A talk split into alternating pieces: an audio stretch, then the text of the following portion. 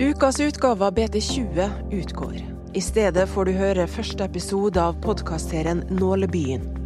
Her møter du Cato, som våkner på sykehus med smadra panne, knust kjeve og morfin i armen. Dette er starten på et langt liv som gatenarkoman i Bergen.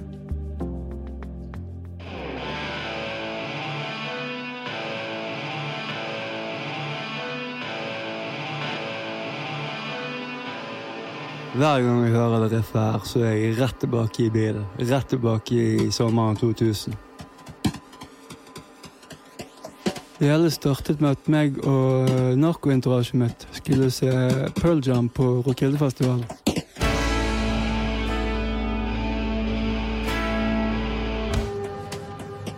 Det var meg, Ole Kåre Jonny, Bob Jesus og Kjell Elves. Og han ene sjåføren, Ole Kåre han hadde en sånn utpult Golf fra 1900 blomkål, altså. Ett skritt unna kondemneringshaugen, altså. Men ned skulle vi. Fire gutter. Vi hadde fem gram heroin, 15 ecstasy-piller, 10 gram hasj. Det burde holde i to dager. Trodde vi. Bilturen i seg sjøl var jo kjempeartig. Vi var høye som fly. Eller steiner som bær. Det var ene ytterligheten til den andre. Vi skulle ta fergen fra Kristiansand. På vei over fjellet så skulle vi kjøpe bensin. Og eh, bensinpenger er jo problem. Det er ikke, det er ikke billig, dette landet. Men alt er gratis når du stjeler. Og Det gode, gamle trikset med å suge ut bensinen det funker som en drøm. skal jeg si deg. Spesielt med den gamle vraket av en Golf. Så vi kjørte rundt, uh, kjørte rundt, vi kjørte mot Kristiansand og uh, stjal bensin fra de innfødte og terroriserte. Spesielt uh, Ole Kåre Jonny og Kjell Elvis var sånne veldig bolte gutter. Og bolte gutter i 20-årsalderen er ikke noe flotte vesener, i min erfaring. Så, altså, Ole Kåre han var uh, kul nok. Men uh, Kjell Elvis og Bobby Jesus, de Nei. Not so much. Skulle inn på bensinstasjonen, for eksempel. Det var sånn at de tok ting og la de demonstrativt i lommen mens de glodde han eller hun som sto bak disken, rett i øynene. På seg et par solbriller og velte solbrillestativet og så marsjerte de sakte og rolig ut i bilen og sa 'nå kjører vi'. For noen pikkhoder de var, altså. Men du kan ikke alltid velge dine reisekamerater. På vei nedover så kjørte vi sånn dasslokk som bare gutter i 20-årene kan. Proppet trynet vårt fullt i ecstasy, røykte heroin til det sto ut ørene våre. Og røykte opp Hallasjan. Resultatet var altså når vi kom frem til Kristiansand to timer før båten gikk, så var vi så avtent og utvrengt og ferdig at vi ville, ville bare krype i et hull og dø. For det at du blir så høy på ecstasy at når du lander, så er alt vemmelig. Spesielt hvis du gjerne har hatt litt kombomisbruk. Hvis du blander f.eks. heroin og ecstasy. Det var en veldig sær kombinasjon. når jeg tenker meg om.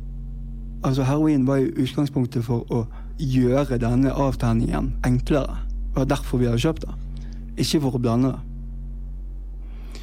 Så vi kom frem til Kristiansand klokken fem om morgenen. Og ting hadde begynt å skli den andre veien allerede i tretiden. Plutselig så var ikke vi beskyttet av stoff lenger. Vi kom liksom ikke langt nok vekk fra hverandre i bilen. Alle så liksom trykte opp mot vinduet, og sjåføren må ha gått på autopilot, for uh, han knarket like mye som oss. Hvordan han klarte å holde oss på veien, forstår i seg. Så selvfølgelig kjøpte vi oss et par helflasker med tyrkisk pepper på vei over. Og når vi kom i land i Danmark, da skulle vi reparere. og dette hadde fungert helt fint. Hadde ikke det vært for sjåføren, som var i like ille forfatning som oss, insisterte på å få i hvert fall et par støyter. Vi lagde en avtale at hvis han kjørte fortere hver gang han fikk seg en støyt, så logikken var at da kom vi fortere frem, så han ikke ble så full. Etter en halvtime så var vi dritings. Skikkelig ordentlig full. Og vi begynte å hive søppel ut vinduet, og folk tutet på oss, og vi ut med fingeren og kjørte forbi folk i sånne så du ser fulle folk på TV og vever mellom filer og sånn. Det, det, var kaos. Politiet klokket oss til 170 ut ifra avstanden vi hadde kjørt når vi krasjet i forhold til fergen. Og hadde vi truffet noe som sto stille, så hadde vi selvfølgelig dødd. Men vi kjørte i ræven på en bil som gikk i 120. Så det tilsvarte altså ca. 50 km i timen. Jeg våknet opp så vidt utenfor bilen. Jeg ser jeg opp på en blå himmel og tenkte at dette var feil utsikt. Det skal være en vei foran meg nå. Og inn i synsfeltet mitt så stikker en dansk politimann ansiktet sitt og uh, spør meg om det går bra på det uforståelige språket sitt. Jeg prøvde å uh, ville si at det gikk faen ikke bra med meg. Så bøyer pikken seg frem og begynte å kjenne på kjeven min. Og da besvimte jeg av smerter. Neste er at jeg våkner opp og ser rundt meg. Det første jeg ser, er en smertepumpe som har en merkelapp hvor det står 'morfin' på. Hvis du ikke vet hva en smertepumpe er, så er det en liten ding som du klikker på, så du administrerer morfinen din sjøl. De visste tydeligvis ikke hvem de hadde med å gjøre. Så da jeg våknet på på cellen på, på sykehusrommet mitt, var det kun meg og eh, Bob Jesus som hadde fått lov å få sykehussenger. For det var kun vi som var skadet nok. Av alle passasjerene var det meg gikk verst utover, med en smadret panne, en pulverisert kjeve og bein og tannraster eh, dyttet inn i ganer og diverse sånne. Men når vi oppdaget at vi hadde fått smertepumpe. Da fikk vi nesten vondt i tommen. Akkurat sånn tenåring som onanerer også.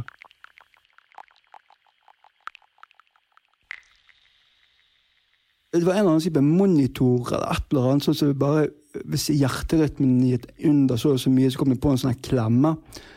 Men vi skrudde jo bare av den klemmen. Du kjenner hele kroppen din slipper taket.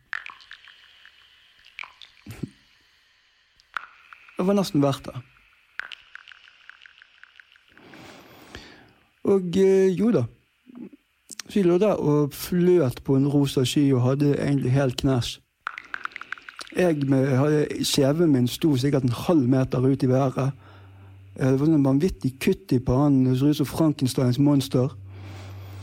Han hadde knust øyebeinet sitt på venstre side. Gigantisk. Blåveis som var lilla og rød og grønn og gul, så det rant sånne sekreter ut av det. det var, ja. Og vi skulle da opp og ta røntgen en gang. Meg med kjeven og arret og han med det øyet sitt. Så gikk eh, døren opp, og der sto det to danske eh, barn med foreldrene sine. Og hun yngste ser på oss med lappene skjelver og sier Mor Griper han fatt, ja. Det var stort sett den reaksjonen vi fikk når vi viste oss ute. Sier bare ingen ecstasy og heroin før du skal ta fergen. Vent til du kommer frem. For vi kom jo aldri til Roskilde kan i og for seg ha vært en god ting. Jeg velger å tro at det var skjebnen som grep inn. For den Pearl konserten som alle døde på, eller åtte stykker i hvert fall, den skulle jo jeg på.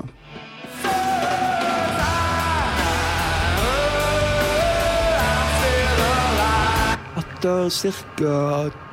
tre uker på Århus kommunehospital så tilkalte jeg en taxi.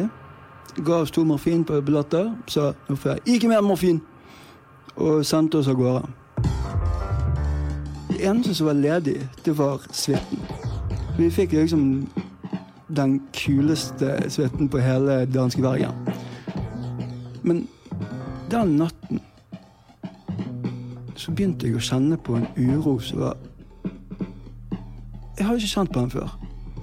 Det kriblet i beina, jeg hadde vondt alle steder, spesielt i kjevene. Og et par timer fra vi er fra Bergen, så går det opp for meg at jeg har abstinenser. Jeg, jeg, har, jeg er avhengig nå. Og da var jeg fysisk avhengig av et opiat for første gang i livet mitt. Og istedenfor å kanskje stoppe, så bare hoppet jeg ut i det med begge beina. Så da var det gjort. Bing bang. Hektet.